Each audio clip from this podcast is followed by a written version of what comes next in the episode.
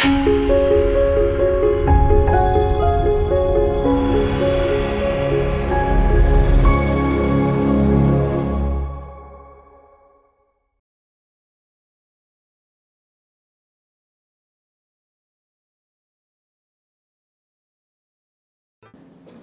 لله رب العالمين والصلاة والسلام على أشرف المخلوقين وأفضل المرسلين سيدنا ونبينا وطبيب قلوبنا وشفيع ذنوبنا محمد وعلى آله وأصحابه وعلى من اتبع هداه إلى يوم الدين. رب اشرح لي صدري ويسر لي أمري واحلل عقدة من لساني يفقه قولي.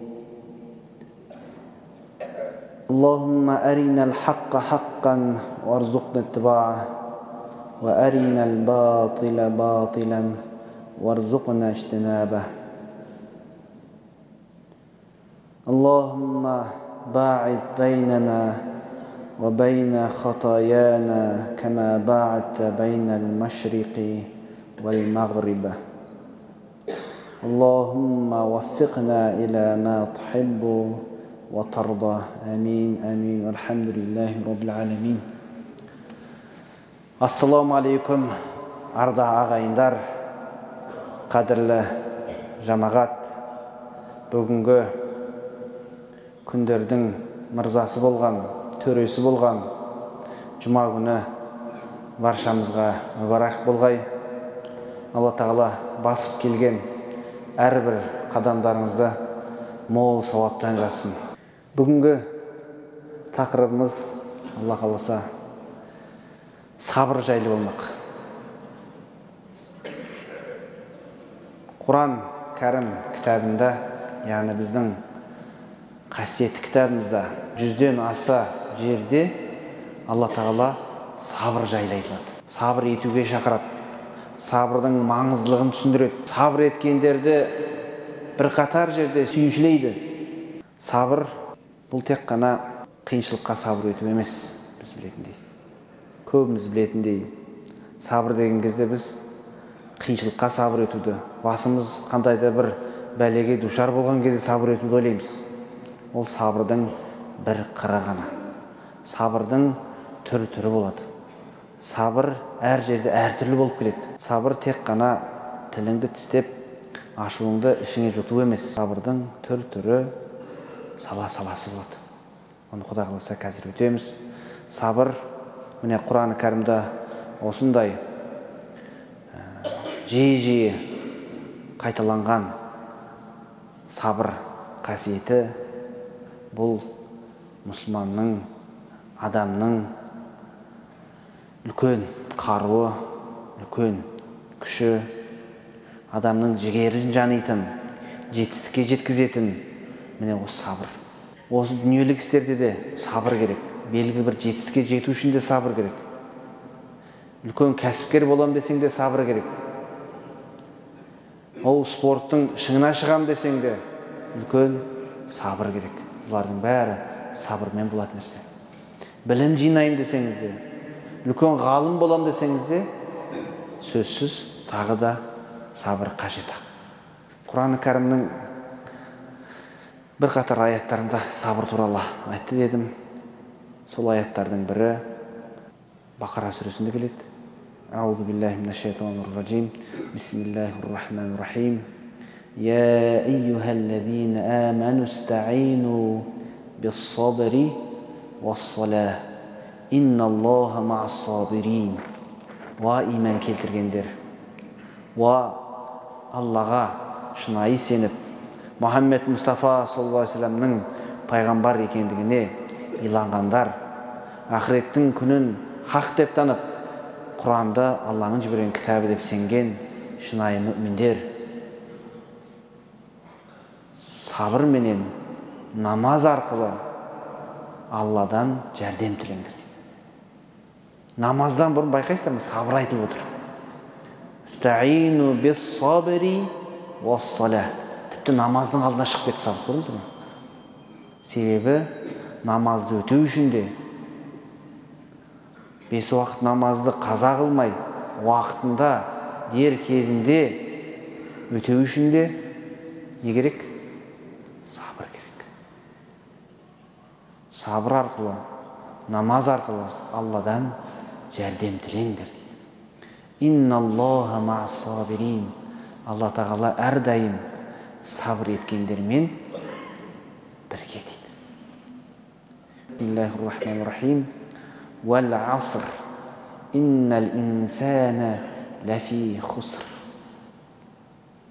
ғасырға ант етемін уақытқа ант етемін дейді алла тағала. Сөзсіз адам баласы адамзат фи хуср. Хуср дегеніміз ұтылуда дейді. Зиян шегуде зиянда. آمنوا وعملوا الصالحات وتواصوا بالحق وتواصوا بالصبر тек қана аллаға шынайы иман келтіріп салихалы ізгі амал істегендер және бір бірін үнемі сабырға шақырып бір біріне ақиқатты насихат етіп отыратындар ғана ұтылған жоқ дейді қалған адамзаттың бәрі осы төрт сипат кімде жоқ болса олардың бәрі ұтылыста дейді. Ол сипат қайсысы? Бір аллаға шынайы иман келтіру. Екі ізгі істеу. Бұл ізгі істің ішіне бүкіл ғибадатымыз кіреді. Үш бір әрқашан бір біріне сабырды насихат еткен сабырды айтып отырған сабырға шақырып отырған адамдар дейді. Төрт әрқашан ақиқатты бір біріне насихат етіп отырған адамдар дейді. Міне сабыр осындай маңызы болғандықтан әрбір мүмин әрбір мұсылман осы сабырлы болуға өз өзін үйрету керек екен өз өзін тәрбиелеу керек екен. Сабыр арқылы біз екі дүниеде бақытты боламыз. Сабыр қарапайым ғана бір мысал. Көп жиі кездеседі әсіресе мына алматы сияқты кептелісі көп көшелерді алып көрейікші мынау мен күрделі мәселеге кірмей ақ қояйын деп жатырмын. Көбіміз көлік жүргіземіз. Көлік жүргізген кезде біреу қиып кетеді біреу тиіп кетеді біреу бір әрекет жасап кетеді алдыңызға түсіп алады жол бермей қояды дегендей. Сол кезде не істейміз? Терезе жабық тұр. Аузымыз жыбырлатып көбіміз ұрса бастаймыз ананы. Кейде жаман сөздер шығып кетіп жатады ауыздарынан. Ол ана жақтағыда ол естімейді ол да терезе жабық тұр ол да аузына келгенін айтып жатыр. Сөйтіп күні бойы көшеде жүрген жүргізуші кешке жақын келген кезде шаршап жүйкесі жұқарып нервісі тозып не істейді? Үйіне шаршаған күйде келеді. Ол сабырсыздықтан сабыр деген қасиетті бойына дарыта алмағандықтан туындаған нәрсе пенде қателесуі мүмкін. Кешіре сал кетті. Сен де сондай бір қателікке душар болуың сен де бір асығыс жасауың мүмкін. Тіпті ол алдыңыздағы адам ә, көпе көрінеу көзің іші дұрыс емес нәрсені істеп жатса да пенде деп қараңыз оған. Ол сіздің дауысыңызды естіп тұрған жоқ сіздің насихатыңызды естіп тұрған жоқ. Тек қана ол жерде адам өзін шаршап күнде осындай жағдай жүрген адамның дені денсаулығы жақсы бола ма? Әрине жоқ болады. Қазір мына инфаркт деген ауру өте көбейіп кеткен білесіздер. Соны қазіргі ә, мамандар айтып жатыр зерттеген мамандар. Кептеліс көп қалаларда инфаркт көп екен. Оның себебі осы жаңағы көшеде кептелістің салдарынан жаңағы сабырсыздық босқа жүйкесін жұқарту болып табылады екен. Сондықтан құрметті ағайындар сабыр біздің кез келген салада да қажет сабыр үш түрлі болады. Негізгі үш түрлі. Оның көп түрі бар бірақ хадисте айтылған үш түрі ассабру фил мусиба қиыншылық келген кезде сабыр ету. Екіншісі ассабру фиттаа алла тағаланың бұйрықтарын орындау кезінде қажет сабыр үшіншісі ассабру алал мааси харамдарға қарсы сабыр үш түрлі сабыр бірінші сабыр барлықтарыңыз білесіздер қиындық кезіндегі сабыр құран кәрімде бір қатар аяттарда алла тағала өзінің сынайтындығын білдірген бақара сүресінде бисмиллахи рахмани рахим ولنبلونكم بشيء من الخوف والجوع ونقص من الأموال والأنفس والثمرات وبشر الصابرين сөзсіз сіздерді сынаймыз дейді немен сынаймыз дейді бишей минал хауфи жүректеріңе бір үрей қорқыныш түсіру арқылы ونقص من الأموال والأنفس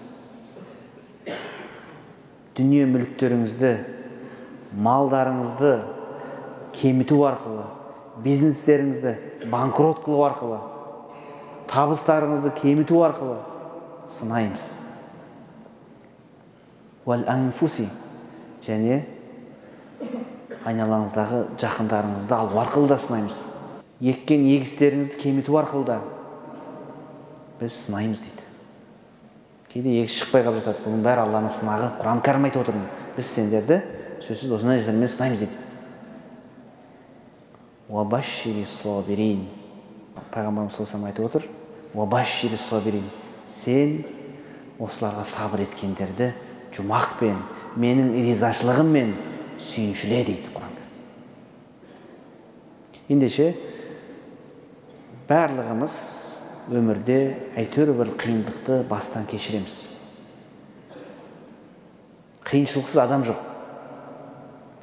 Ол қиыншылық тек қана бір материальный нәрсенің жетіспеушілігінен болмайды. Не бір қалтасы қампайып жүрген жағдайы жақсы бизнесі өрге дөңгелеп жүрген кісілердің де басында кейде қара бұлт үйіріліп тұрады. Қиыншылықтар кездеседі баласы ауырады өзінің денсаулығында бір мәселелер шығады. Туысқандарың арасында бір мәселе болады. Әйелмен сынақ болады. Балалармен сынақ болады. Әйтеуір сынақ болады. Міне сондықтан қиыншылық кезінде біз әрқашан не істеуіміз керек? Сабыр етуіміз керек. Бірақ көбіміз сабырды кейде қате түсініп жатамыз. Пайғамбарымыз саллаллаху алейхи уассаламның заманында болған мына бір оқиғаны келтірейін сіздерге. Бір күні бір кісінің бір әйел кісінің баласы қайтыс болып әлгі кісіге ол өте ауыр тиіп қабірдің басына барып жылап тұрады. Бей риза алла риза болмайтын сөздерді айтып қатты қайғырып тұрған кезде пайғамбарымыз саллаллаху вассалам келіп иттақиллаха уасбири иттақилля алладан қорқыңыз уасбири сабыр етіңіз дейді. Сонда әлгісі ияка анни сен менен аулақ жүр сенің менің басыма келген қиыншылық сенің басыңа келген жоқ қой не деп айтып тұрсың деген келтіріп отыр ғой пайғамбарымыз кетіп қалады жанындағы кісілер айтады о пәленше жаңа келген кісі саған насихат айтқан кісі ол алланың елшісі еді ғой дейді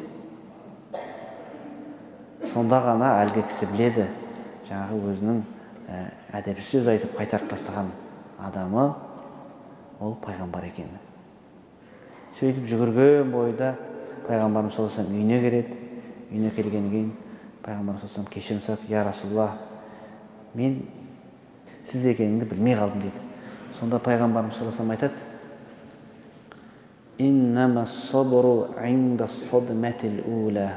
нағыз сабыр шынайы сабыр бұл алғашқы соққыда дейді. Алғашқы кезде дейді. Қиыншылық басыңа келді ма? Сол кезде сабыр ету керек ал енді шашыңды жұлып айналаңдағының бәрін қиратып айтатын сөзіңді айтып бәрі біткеннен кейін уақыт өткеннен кейін өзің көніп ұмыта бастаған кезде сабыр етуім ол сабыр емес. Ол көну болып табылады.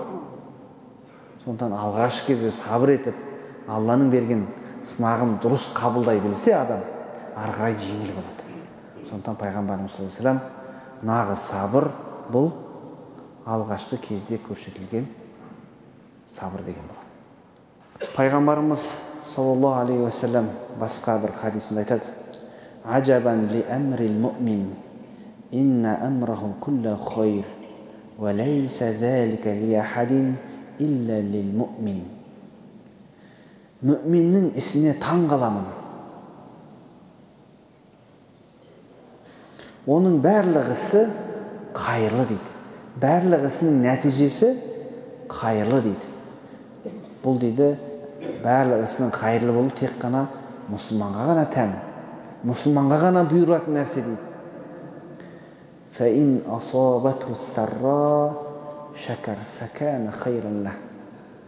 Оған бір жақсылық келе қалатын болса қуаныш келе қалатын болса молшылық келе қалатын болса нығмет келе қалатын болса не істейді дейді?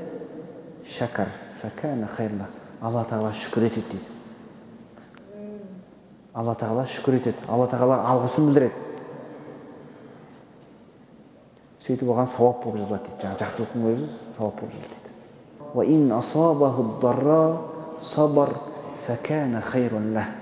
Ал егер оның басына бір қандай да бір қиыншылық келе қалатын болса ауыртпалық келе қалатын болса не істейді дейді? Таршылық келе қалатын болса сабыр етеді дейді. Оны да алладан деп біледі. Сабыр етуім керек деп түсінеді. Ендеше сол сабыр еткен үшін алла тағала сауап жазады сөйтіп қиыншылығың өзі сауап болып жазылады көріп отырсыздар ма мүмин үшін қиыншылық та молшылық та жақсылық та қуаныш та барлығы бірдей нәтижесі бірдей себебі сабыр еткен адамына алла тағала бәлкім қуаныш кезінде шүкір етіп жете алмаған сауабын беруі мүмкін. Бұл да бір ғибадат. Мына кейбір кісілер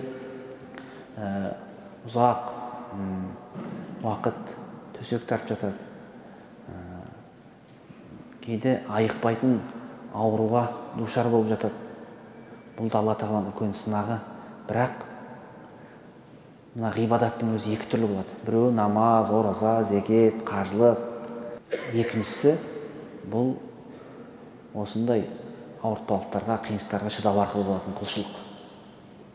Тіпті кейде мына намаз ораза зекеттерде қажылықтарда адамға рия араласып кетуі мүмкін көзбояушылық араласып кетуі мүмкін мақтан араласып кетуі мүмкін. Ал қиыншылыққа сабырда ауру сұрқауға сабыр етуде бұл да бір үлкен құлшылық қой. Бұндай құлшылықта көзбояушылық болмайды. Сондықтан бұндай құлшылық арқылы кейде адам намаз оқып ораза ұстап зекет беріп жинай алмайтын мол сауапқа кенелуі мүмкін. Тіпті олардың бір минуты бір сағатқа бір сағат бір күнге айналып кетуі мүмкін. Яғни бір күн құлшылық жасап алатын сауабымызды ол кісілер сол қиыншылығына ауру сырқауына бір сағат шыдау арқылы сондай сауап алуы мүмкін. Өйткені ондай құлшылықтың сауабы мол өйткені ол риясыз құлшылық ол жерде біреу көрсетейін мақтанайын деген нәрсе жоқ. Тап таза алла үшін сіз сабыр етесіз. Алла тағала маған осындай бір қиыншылық берді ауру берді. Осыған сабыр етуім керек десеңіз бұл да бір үлкен құлшылық болғандықтан алла тағала ондай адамға мол сауап береді. Екен ғибадат жасап ала алмайтын сауапты кейде осындай қиыншылыққа тап болып оған сабыр еткен адамдарға алла тағала нәсіп етеді екен. Пайғамбарымыз саллаллаху бір хадисінде айтады. Кетші қайсысы алла тағаладан баяндап отыр. Мен кімде кімнің? дейді. Екі көзін зағип етіп соқыр етіп сынасам дейді. Құлым соған сабыр ететін болса мен ол құлыма ана дүниеде жұмақты нәсіп етемін оның сыйы тек қана жұмақ болады дейді қараңыздар қиыншылыққа сабыр ету арқылы адам неге жетіп отыр?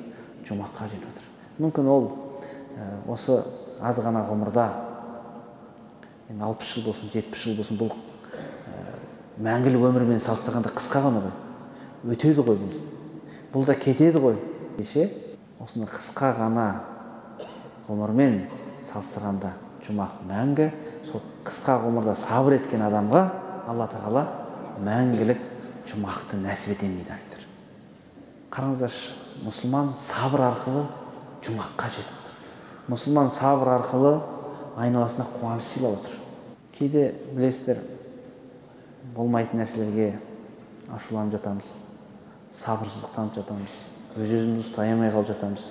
Міне осындай кездерде біз әрдайым сабырдың қажет екенін ол бір мұсылманның қанаты екенін сабыр арқылы жұмаққа жететін адам ойлайтын болса бұл дүниеде де көкірегі қуанышқа толып ана дүниеде де иншалла жұмаққа жетеді. Байқасаңыздар сабырсыздық арқылы адамдар үлкен күнәлар істеп жатады бір сәт өзін ұстай алмағандықтан бір адам екінші адамды атып жіберуі мүмкін. Бір адам бір адамды ұрып жібереді. Анау бір қояды сосын анау екі қояды сонымен ары қарай кетеді ар жағы түрмемен бітіп жатады бір дұрыс емес сөзі сабырсыздықпен айтып жібергендіктен бизнесте жүрген кісілер біледі контракт бітеді теріс айналып кетеді. Міне сауда енді енді қызып енді енді болайын деп тұрған кезде бір қандай сөзіне сабыр ете алмағандықтан артын әліптің артын бақпағандықтан кейде адам өзінің болайын деп тұрған үлкен нәсібесінен қағылып жатады. Соның бәрі мүминнің мұсылманның ә, сабыр қаруын дұрыс қолданбағандықтан болып жатыр ағайындар. Ендеше әрқайсымыз ә, сабырды дұрыс қолдана білуіміз керек. Екінші сабырдың түрі бұл ассабру құлшылықта сабыр. Құлшылықта да алланың бұйрығын орындауға да үлкен сабыр керек. Намаз оқу үшін сабыр керек па? Әрине керек. Өмір бойы сіз бес уақыт намазды оқисыз. Ал енді сол өмір бойы оқитыныңызды ойлап қиналып сабырсыз танытатын болсаңыз онда жеңілесіз. Кешегін ойламау керек. Келер шақты ойламау керек. Міне бүгінді ойласаңыз бүгінге сіздің сабыр күшіңіз жетеді. Кешке жақын шаршап шалдығып келесіз жұмыстан. Намаз оқымайтын кісілер аяғын аяғына қойып кино көріп отырған кезде сіз келіп дәретіңізді алып шаршап тұрсаңыз да көзіңізге ұйқы тығылып тұрса да сіз бисмилля деп намазға тұрасыз. Бұл сабырды қажет ете ма? Қажет етеді. Кейде кеш жатамыз таң намазға тұру өте қиын болады. Әсіресе мына жаз күндері. Түн қысқа. Құптан намазды өзі он екіде оқисыз. Екі жарымда сіз қайтадан таң намазға тұруыңыз керек. Ол өте қиын. Міне сондай кезде бисмилля деп тұрып намаз оқу да қиын. Бұған да сабыр керек. Суық суға дәрет алып жатады. Жұмыс кезінде екі жұмыстың ортасында ары бері зыр жүгіріп жүріп намазын өтеп алу үшін де сабыр керек барлық жерде дәрет алатын жағдай жоқ сол дәреттің қамымен жүреміз дәретімізді қайдан алсақ екен деп кейде суық суға дәрет алу керек, тура келеді міне бұлардың бәрі құрметті ағайындар құлшылықтағы сабыр болып саналады үшіншісі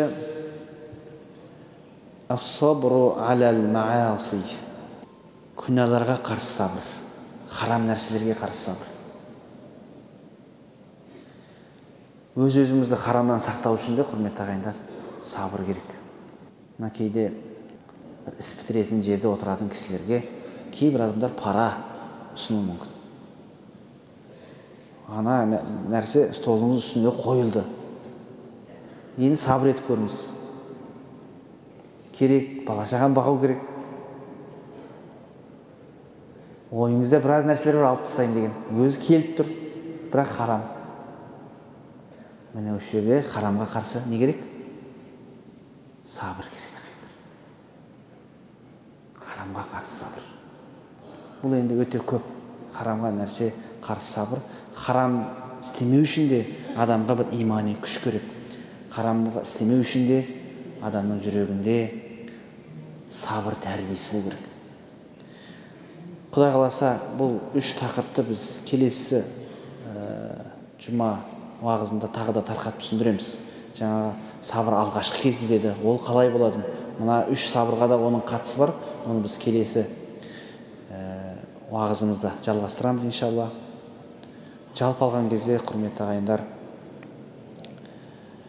сабырсыздықтан көп адамның басы бәлеге қалып жүр. Сабырсыздықтан кісі кейде қасықтап жинаған абыройын әп сәтте шелектеп төгіп жатады бәрі жақсы әдемі. Бәрі дұрыс келе жатады. Бірақ бір жерде сабырсыздық танытып шат бұт болып кетеді. Айналасын бәрін ренжітіп ауыр сөздерді айтып тастайды. Одан кейін барып артынан өкініп отырады. Әйелмен ұрысып жатады бала шағасымен ұрысып жатады. Күні бойы сосын мазасыз болып жүреді. Болмайтын бір қарапайым нәрсе. Мысалға осы мысалымды келіп ә, тамамдайын. Таңертең жұмысқа асығып бара жатсыз. Сегіз жарым тоғызда жұмыста болу керек бәріміз білеміз. Бастық ұрысады кешігетін болсаңыз. Әйеліңіз бір шай құйылған ыдысты дұрыс жерге қоймады. Мектепке баратын кішкентай балаңыз келді да ананы қағып кетті қолымен. Төгілді сіздің үстіңіз. Кірленді бұлғанды. Өзіңіз асығып отырсыз.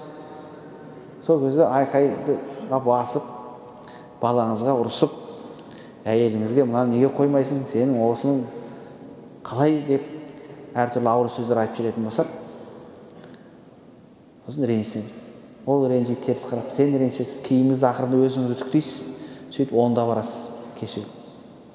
Күні бойы сосын енді ұрыстыңыз мазаңыз жоқ ол жұмысыңызға әсер етеді айналаңызға әсер етеді кешке жақын үйге келген сіз ыңғайсызданасыз жаңағыдай қабағыңыз түйіп. Сөйтіп жүрген кезде бір екі үш күніңіз өтіп кетеді. Болмайтын нәрсемен. Ал енді дәл сол кезде сабырлық танытып бір ғана сөзбен байқамайсың ба балам? Әйеліңізге бұл жерге қойма тез тез мына киімді үтіктеп жүр деп шығатын болсаң бір он он бес минут кешігіп барасың артық сөз жоқ. Бірақ күні бойы көңілді жұмысыңызға да жақсы ә, нәтижелі жұмыс жасайсыз жұмысыңызда да айналасыңызға да қуаныш сыйлай аласыз кеш жақында үйге ұялмай басыңызды тіктеп көңілді келе аласыз сондықтан кейде бір ғана сабырсыздықтың мен мысал ретінде қарапайым мысал айтып отырмын бұл үлкен үлкен істерде болады. Кейде мемлекет деңгейдегі мәселелерде болады. Үлкен жұмыстарда болады бизнесте болады. Міне осыдан сондықтан құрметті ағайындар сабыр біздің әрқашан бұл қаруымыз болу керек. Алла тағала сіздерден разы болсын. Алла тағала өзінің сабырлы құлдарынан болып нәсіп етсін. Ассаламу алейкум уа рахматуллахи уа баракатух.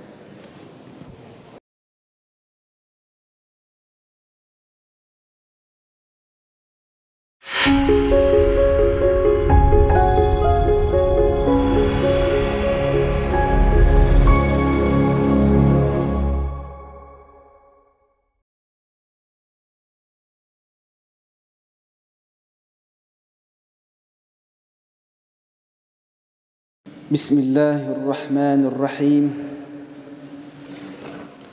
الحمد لله رب العالمين. والصلاة والسلام على أشرف المخلوقين وأفضل المرسلين. سيدنا ونبينا وطبيب قلوبنا وشفيع ذنوبنا محمد وعلى آله وأصحابه وعلى من اتبع هداه إلى يوم الدين. رب اشرح لي صدري ويسر لي أمري واحلل عقدة من لساني يفقه قولي. اللهم أرنا الحق حقا وارزقنا اتباعه وأرنا الباطل باطلا وارزقنا اجتنابه. اللهم باعد بيننا وبين خطايانا كما باعدت بين المشرق والمغرب اللهم وفقنا الى ما تحب وترضى اللهم انصر المسلمين في كل عالم ассаламу алейкум ардақты ағайындар қадірменді жамағат алла тағала бүгінгі қасиетті жұма күні мешітке басып келген әрбір қадамдарыңызды мол сауаптан жазсын. Тілеген мінәжат тілектеріңізді жасаған ғибадат құлшылықтарымызды алла тағала өзінің мейірімен рақыммен қабыл етсін. Қадірлі ағайындар біз өткен аптада сабыр жайлы айтқан болатынбыз.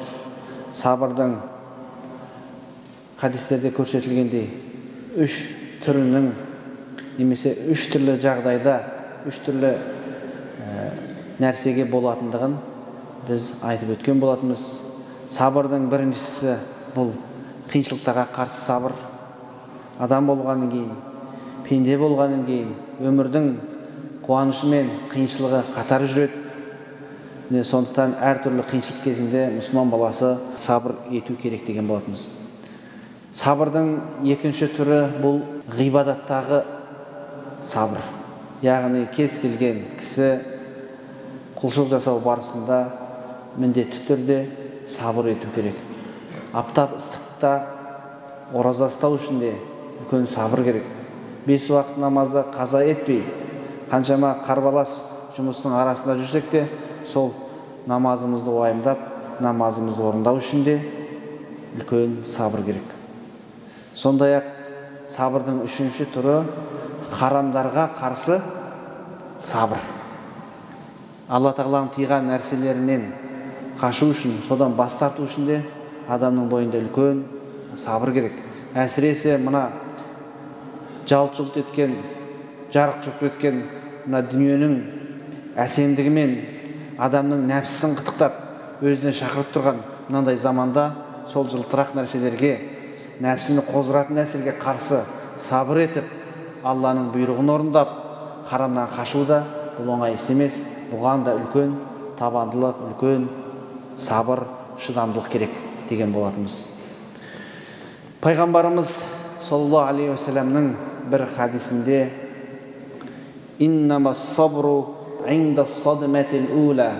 нағыз сабыр шынайы сабыр.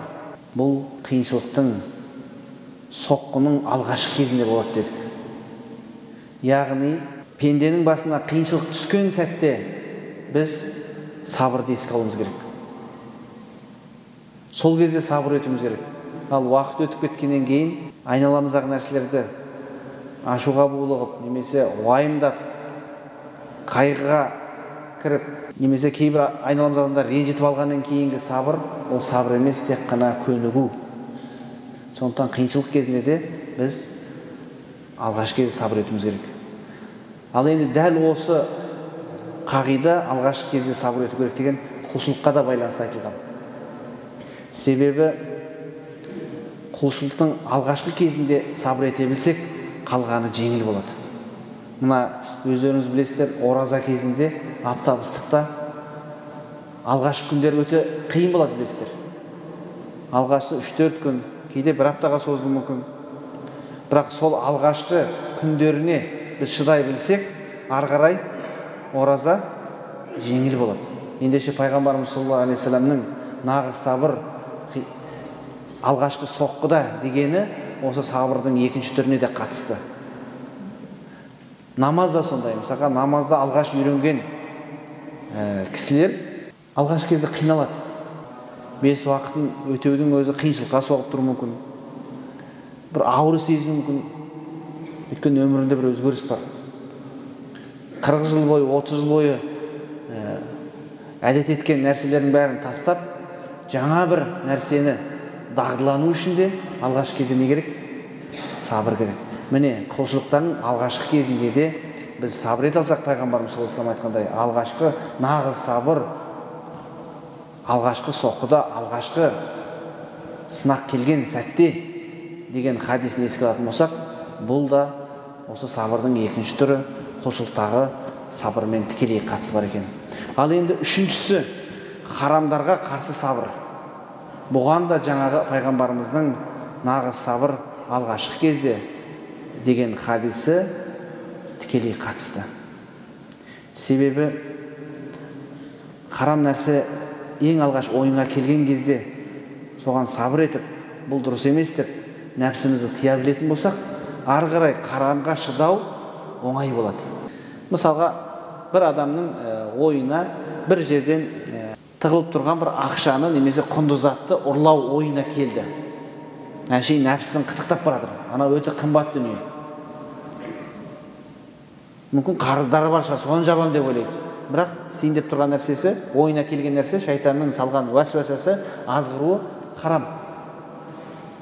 Сол кезде сіз бірден бас тартпай. Жаңағы жоспарыңызды жасап түні бойы ойлап. Ол үйге кім қашан кіріп шығады? Қалай шығады? Бәрін зерттеп. Түн ортасында жаңағы үште оянып. Бүкіл дайындығыңыз сақадай сай. Барып жаңағы үйге кіріп ақша тұрған жерді тауып есігін ашып сандықты ашып қалған кезде ал енді сабыр етіп көріңіз. Сол жерде сіз сабыр ете аласыз ба? Бұл кезде? Қиын болып кетеді. Өйткені сіз соншама жерден келдіңіз соншалық дайындық жасадыңыз. Нәпсіңіз ананы көрген кезде тіптен тулап кетеді. Сол кезде сіз жоқ харам ет деп кері шегініс жасауыңыз қиын болып қалады. Сондықтан пайғамбарымыз саллаллаху алейhi айтып отыр нағыз сабыр соққының алғашқы кезінде. Немесе нағыз сабыр қиыншылықтың алланың сынағының алғаш келген сәтінде дейді. Көрдіңіз ба харамдарға байланысты сабырға да бұл хадис қатысты. Харамдар ойымызға келген кезде бірден бас тартуымыз керек. А сол алғашқы ойыңызға жаңағыдай жаман нәрсе келген кезде аузу ражим деп сол әу бастан сабыр ете білсек кейін бізге сабыр ету не болады? Оңай болады. Ал барлық нәрсе келіп мына шекарасына келген кезде ал енді сабыр етейін харамдарға қарсы сабырым қайда? десеңіз ол келмеуі мүмкін. Өйткені сіз өзіңіздің сабырыңызды шашып алдыңыз. Нағыз сабыр ететін жерден кетіп қалдыңыз. Сабыр ету ол харамға қарай кірген сайын харам аумағына қиындай береді. Міне сабырдың ә, түр түрі бар дедік. Бұдан да қосымша сабырлардың түрін көбейтіп айта беруге болады. Бірақ хадистердегі айтылған негізгі осы сабырдың үш түрі осы. Сабыр бұл әрбір адамның ең үлкен қаруы. Сабыр арқылы әрбір адам өмірде үлкен жетістікке жетеді. Мына жаңалық ашып жатқан ғалымдар да өмірін зерттеп отыратын болсаңыз үлкен сабырлық танытқан әрбір нәрседе табандылық танытқан. Болмады екен ғой деп бірден туы жығылмаған еңсесі түспеген керісінше ә, ашам деген жаңалығы қиындаған сайын олар қайраттанып керісінше істеуге тырысқан соны қай жерде қателестім қандай нәрсе істесем қалай болады екен деп. Мына электр шамын тапқан кісіні білесіздер ғой эдисон.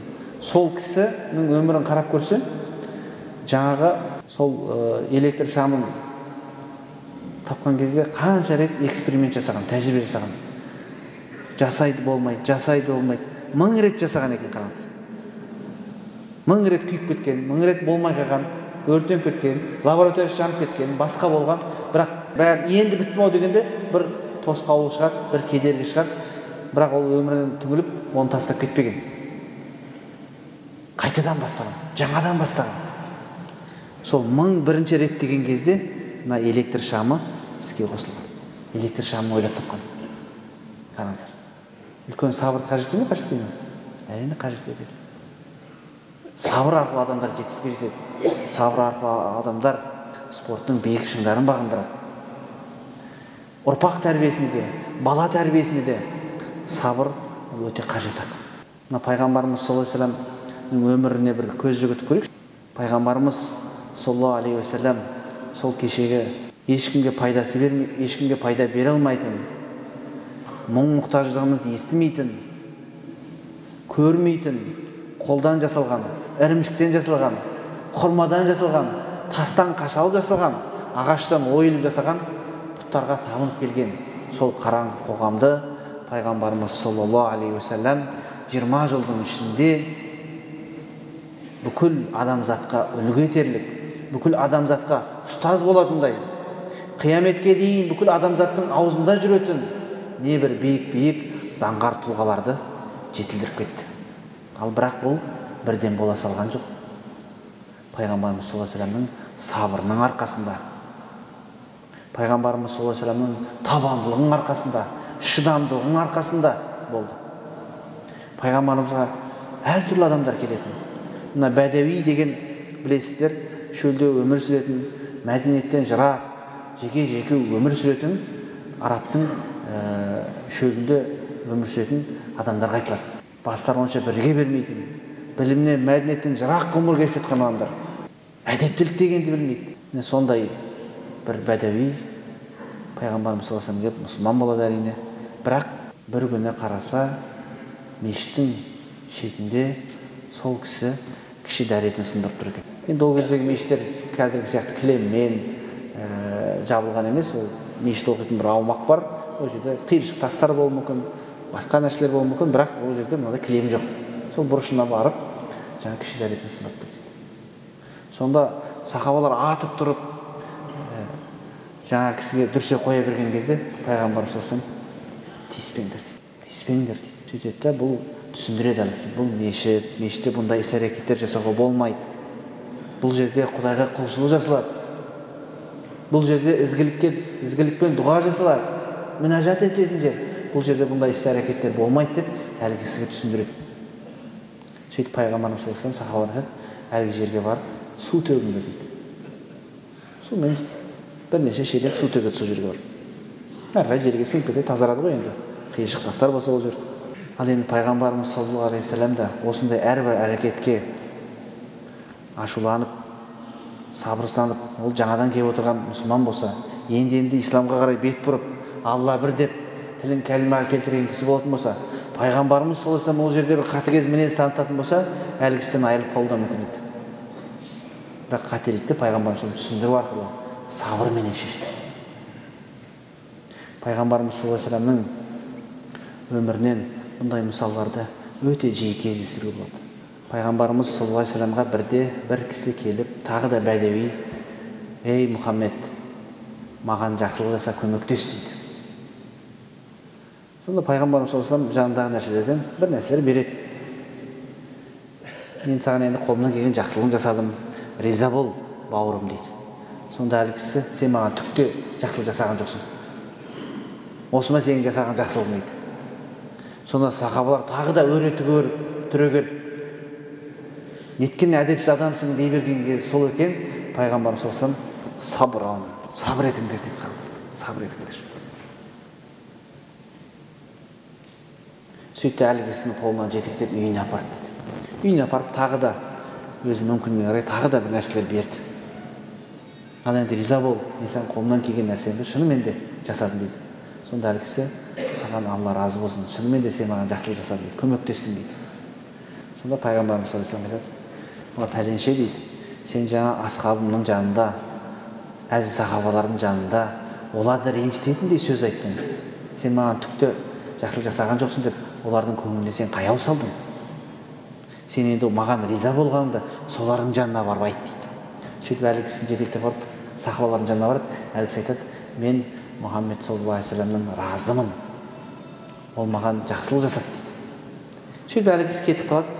Сосын пайғамбарымыз саллаллаху алейхи вассалам сахабаларына былай дейді о асхабым сендермен және менімен басқа үмметімнің арасындағы мысал мынаған ұқсайды дейді. Бір кісі өзінің мініп жүрген атын қашырып алады дейді. Қашып кетеді дейді аты қашып кетеді. Сөйтіп оны көрген жанындағы жанашырлары әлгі атты ұстап береміз деп қуалай жөнеледі дейді. Содан ат үріккен сайын үркеді қашқан сайын қашады. Сосын әлгі иесі айтады дейді аттың. Ей айналайындар тиіспеңдер мен ол аттың сырын білемін көмектеріңе бұндай көмектеріңе рахмет деп өзі етегіне бір жем салып моқ моқ деп шақырып атты ұстап алады дейді. Мені мен сендердің мысалдарың дәл осыған ұқсайды. Жаңағы келген кісіге сендер сияқты менде үреті келіп ашуланған кезінде ол кісі екінші рет мешітке келмейтін дейді. Екінші рет маған келмейтін дейді. Сөйтіп имансыз кету қаупі бар еді мен көріп ма? Пайғамбарымыз саллаллаху жиырма үш жылдың ішінде осындай бір адамзатқа үлгі боларлық ұстаз боларлық шамшырақ тұлғалар тәрбиелеп кетсе үлкен сабырының арқасында тәрбиелеп кеткен болады бұның мысалын көптеп келтіре беруге болады. Бірақ жалпы сабырға байланысты айтылатын көп нәрсе айтылды деп ойлаймын. Ал енді өмірде ашуымызды шақыратын шекемізді тырыстыратын сабырсыздық танытуға мәжбүрлейтін кездер өмірде аз болмайды. Әрқайсымыздың басымыздан өтеді. Солай емес пе? Енді кейбір адамдар табиғатынан бір биязы болуы мүмкін. Бірақ жалпы алған кезде әсіресе мынандай қиын заманда көп адам сабырсыз танытады ашуланып жатады бір бірін ренжітіп жатады. Міне осындай кезде біз не істеуіміз керек? Қалай өз өзімізді сабырлы болуға тәрбиелей аламыз? Бұл өте маңызды тақырып деп ойлаймын. Ең әуелі басымызға қиыншылық келген уақытта. Қандай да бір бәлеге пәлекетке душар болған уақытта. Бір жақсы көрген нәрсемізден айырылып қалған уақытта. Бір сүйген нәрсемізден айырылып қалған уақытта. Қатты қалаған нәрсемізге қол жеткізе алмай қалған уақытта біз кейде сабырсызданып қайғыра бастаймыз. Бұл дұрыс емес екен. Бұндай кезде не істеуіміз керек? Бұндай кезде әрбір нәрсенің тағдырымен болатынын ойлауымыз керек. Әрбір нәрсенің алланың рұқсатымен болатынын түсінуіміз керек. Бір жақсы мақалда былай делінеді. Мән әмәна бил қадар әмина минәл кәдәр кімде кім өзінің тағдырына сенетін болса әрбір нәрсенің алланың рұқсатыменен қалауымен болып жатқанына шын иман келтіретін болса ол адам дүниедегі барлық қиыншылықтан құтылған адам дейді. Яғни мына ойынан миынан бүкіл қиыншылықты жеңеді деген сөз себебі болатын нәрсе болды жазмыштан озмыш жоқ деп түсінеді мен қолымнан келген нәрсені істедім бірақ осындай нәрсе болып жатса демек бұның да бір қайыры бар шығар бұл да бір алланың қалауы ғой деп әу бастан өзіміз жұбата алатын болсақ сонда біз қиыншылыққа не істейміз шыдай алады екенбіз қиыншылық келген сәтте біз мынаны түсінуіміз керек құранда айтады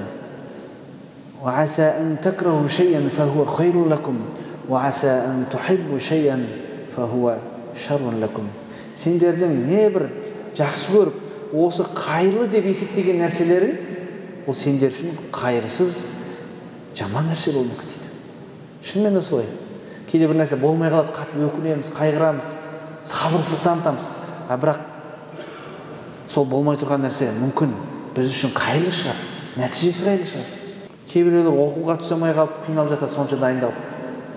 Сабырсыз танытып кейбіреулер өздеріне қол жұмсап жатады. Бәлкім оның оқуға түсе алмай қалуы сол жылы. Қайырлы шығар біз білмейміз оны. Ол жерде басына не келер келетінін. Қандай жағдайларға тап болатынын білмегендіктен алла тағала оған жаңағы нәрсе болдырмай тұруы мүмкін. Сондықтан біз басымызға қиыншылық келген уақытта бұның да артында бір қайыр бар шығар деп не өз өзімізді жұбатуымыз керек екен басына қиыншылық түскен әрбір адам бұндай қиыншылықтың пайғамбарымызды да айналып өтпегендігін тіпті ең көп қиыншылыққа душар болатындардың пайғамбарлар екенін алланың ең жақын құлдары екенін түсінетін болсақ небір заңғар тұлғалардың өмірінде қиыншылықпен қырқысып өткенін сол арқылы жетістікке жеткенін ескеретін болсақ біздің қиыншылығымыз жеңілдейді сабыр етуіміз оңай болады екен ағайындар ең әуелі міне осыны білуіміз керек одан кейін пайғамбарымыз саллаллаху алейхи бірнеше өсиеттері бар мен сол өсиеттерін оқып отырып кейіннен мына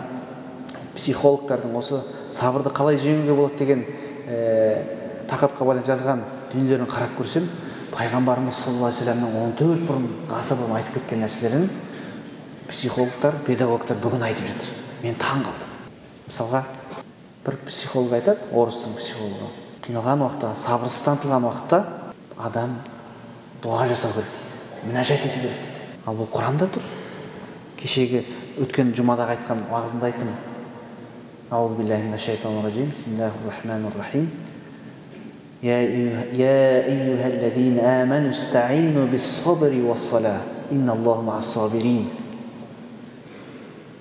уа иман келтіргендер сабырменен намазбенен алладан жәрдем тілеңдер дейді қиыншылықтарға. Алла тағала сабыр еткендермен бірге дейді. Басқа бір батыстың бір психологы айтады. Енді он шақты нәрсені санап шыққан мен бір екі үшеуін айтайын. Ол да тікелей хадистерімізде бар. Бір сабырсыздана танытатындай сені сабырсыздануға мәжбүрлейтіндей ашулануға себеп болатындай бір іс әрекет болған кезде сондай нәрсеге тап болған кезде сол болған жағдайдан шығыңыз әрекеттеріңізді өзгертіңіз дейді. Ал бұл пайғамбарымыз саллаллаху алейhi хадисінде тұр. Пайғамбарымыз саллаллаху алейхи салам былай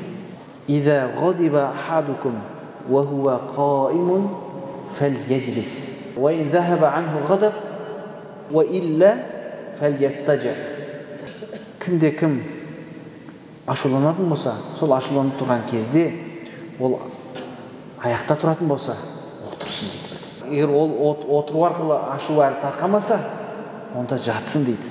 Осыған байланысты хаттаби деген ғалым осы әбу дәуідтегі осы хадиске түсіндірме жасаған былай дейді. Себебі тұрып тұрған адам ол ашуланып ә, еркін әрекет ету мүмкіншілігі көп болғандықтан бір нәрсені қиратып жіберуі мүмкін біреуге бір қойып жіберуі мүмкін басқа бір оқыс әрекеттер жасауы мүмкін. Сондықтан отырса сол мүмкіншілік шектеледі дейді. Ал оған да кетпесе жатсын дейді. Ал жаңа психологтың айтып отырғаны сол әртүрлі өзінің болған жағдайынан шықсын былай былай қимылдасын дейді. Ол жерден кетіп қалуды қосуға болады. Спортпен айналысып жүруге болады сол жерде. Басқа бір әрекеттер жасауымыз керек. Ол енді пайғамбарымыз саллаллаху екі үш нәрсені айтты бірақ осыған салыстырып басқа іс әрекеттерді де жасауымызға болады. Яғни сол ашуландыратын жағдайдан шығып соны ұмыттатыратындай сол жерден сол атмосферадан аурадан бізді шығаратындай бір әрекеттер жасауымыз керек. Көресіз бе? Кейде спортпен айналысуға болады ондай кезде. Намазға тұрайық. Көресіз бе? Міне жаңағы батыстың психолог педагог айтып отырған нәрсені пайғамбарымыз саллаллаху алейhi он төрт ғасыр бұрын айтып кеткен сосын жаңағы психологтың тағы бір несін қарап көрсек ол былай дейді. Ашуланған сәтте сабырсыздық танытқан сәтте шомылыңыздар дейді. Шомылыңыздар дейді. ал енді пайғамбарымыз саллаллаху алейhi хадисін оқып тұрмын الشيطان من النار وإنما تطفأ النار بالماء فإذا غضب أحدكم فليتوضأ басқа бір хадисте فليغتسل ашу шайтаннан шайтан оттан жаратылған отты су сөндіреді ендеше сіздер ашуланған сәтте не істеңіздер дейді? Дәрет алыңыздар дейді. Басқа бір хадисте жуыныңыздар дейді. Себебі ашуланған сәтте адамның өне бойы қызып тамырлары адырайып ә, жаңағындай осы бір нәрсені бүлдіріп жіберуге оталып кетуге дайын тұрады. Білесіздер. Ашуланған адам тіпті миының үште бірі істемей қалады дейді.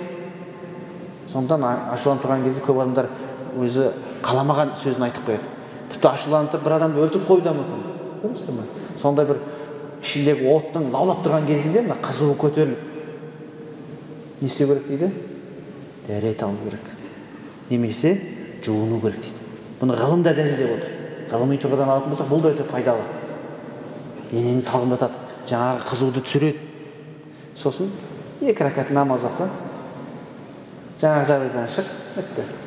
Міне пайғамбарымыз саллаллаху алейhi хадисінде қаншама үлкен ақиқаттар айтып кеткен. Жамағат көп жағдайда біз өмірде бір нәрсеге біз ашуланамыз қай жерде біз көбірек ашуланамыз қандай іс әрекеттерге ашуланамыз қандай жерде біз сабырсызбыз міне біз соны дөп бас тауып алуымыз керек дөп бас тауып алып соны түзету үшін әрекеттер жасауымыз керек сол сондай жағдайда үнемі қайталанып өзіміздің қадірімізді кетіріп алатын абыройымызды төгіп алатын жағдайларда сол бір жағдай болуы мүмкін адамның өмірінде. Үнемі қайталанып соған ілініп қала береді ілініп қала береді соны айналып өтіп кетуді үйренуіміз керек. Соны жеңуді үйренуіміз керек. Ал ол үшін не істеуіміз керек? Ол нәрсені бір жазып қоюымыз керек. Мен қандай жерде де сабырсыз танытамын кейде бір шұғыл әрекет жасаймыз ашумен. Бірден шешім қабылдаймыз. Ашу кезде шешім қабылдамау керек. Пайғамбарымыз саллаллаху алейhi айтады ашулы адамның үкімі төрелігі жүрмейді дейді пайғамбарымыз сондықтан мына үлкен мына жерде әртүрлі кісілер отыр. Үлкен үлкен фирмаларды басқарып мүмкін. Министерствоны басқарып жүрген адамдар болуы мүмкін. Ешқашан ашуланып тұрған кезде шешім қабылдамаңыздар. Өйткені пайғамбарымыз бұны тыйған. Өйткені біздің ашу халіндегі берген үкіміміз объективный болмайды. Ашуымыз біздің үкімімізге әсер етеді. Сондықтан қандай жерде ашуланатынымызды жазып жүрейік. Және соны қайталап істеген уақытта өзімізді жазғырайық. Неге осыны істедім? Соны түзету үшін тәубе етейік. Садақа берейік. Яғни жаңа қатемізді біз ұмытпауымыз керек. Бір қатты ашуланатын кісі бар екен өте ашушаң өмірінде сол ашу арқылы көп нәрсені бүлдіріп қояды екен айналасында болып жатқан нәрселер өзі жақсы адам бірақ сол ашу арқылы өзінің абыройын төгіп алады ашу арқылы нәрсені бүлдіріп қояды сонымен аты шыққан кісі екен сосын бір кісіге барып айтты осы мен ашуымды қалай жеңемін сіз маған көмектесіңізші деді қалай мен сабырлы бола аламын ашуым келген кезде мен не істеуім керек деді сонда кісі айтты сен бір тақта ал. Сосын шегелерді қойып қой жанына балғаны қойып қой. Сен қай жерде бір сабырсыздық танытсаң ашу танытатын болсаң сен шеге қағып отыр депті. Содан бір жеріне бүлдіріп қойса барып шеге қағады есінде қалады. Сосын бір қараса жаңағы тақтаның бәрі шеге толып кетті. Бір уақыттан кейін тақтада шегелер ақырын соңғы жағында азая бастайды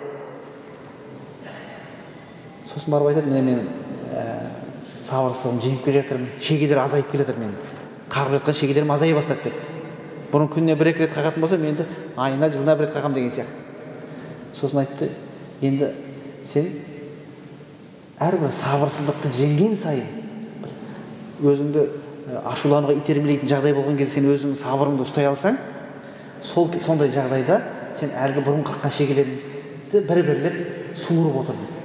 Соны жаңағы бір ашуланған жағдай болып қалған кезде өзің сабыр етсе барып бірден шегені суырып тастайды. Тағы сондай жағдай болады суырып тастайды. Сөйтіп бір уақыттан кейін тақтаның үстіндегі шегелер біткен екен. Сосын барып айтыпты міне мен құдайға шүкір сабырлы болып үйрендім. Өз өзіме өз нәпсіме ие бола аламын деген кезде әлгі данышпан кісі айтқан екен. Дұрыс енді мына тақтаға қарашы депті. Тақта шұрық тесік. Көрдің ба депті. Сенің сабырсыздықпен шұрық тесік еткен көптеген көңілдер бар. Ол көңілдер бәрібір ізі қалады оның. Сондықтан мүмкін болса бұндай қателік жібермеу керек. Сондықтан мына сабырсыздық танытқан уақыттарымызды біз әрқашан есімізде сақтайық. Алла тағала бізді өзінің сабырлы салиқалы құлдарының қатарынан қосын ассаламу алейкум уа рахматуллахи уа баракатух.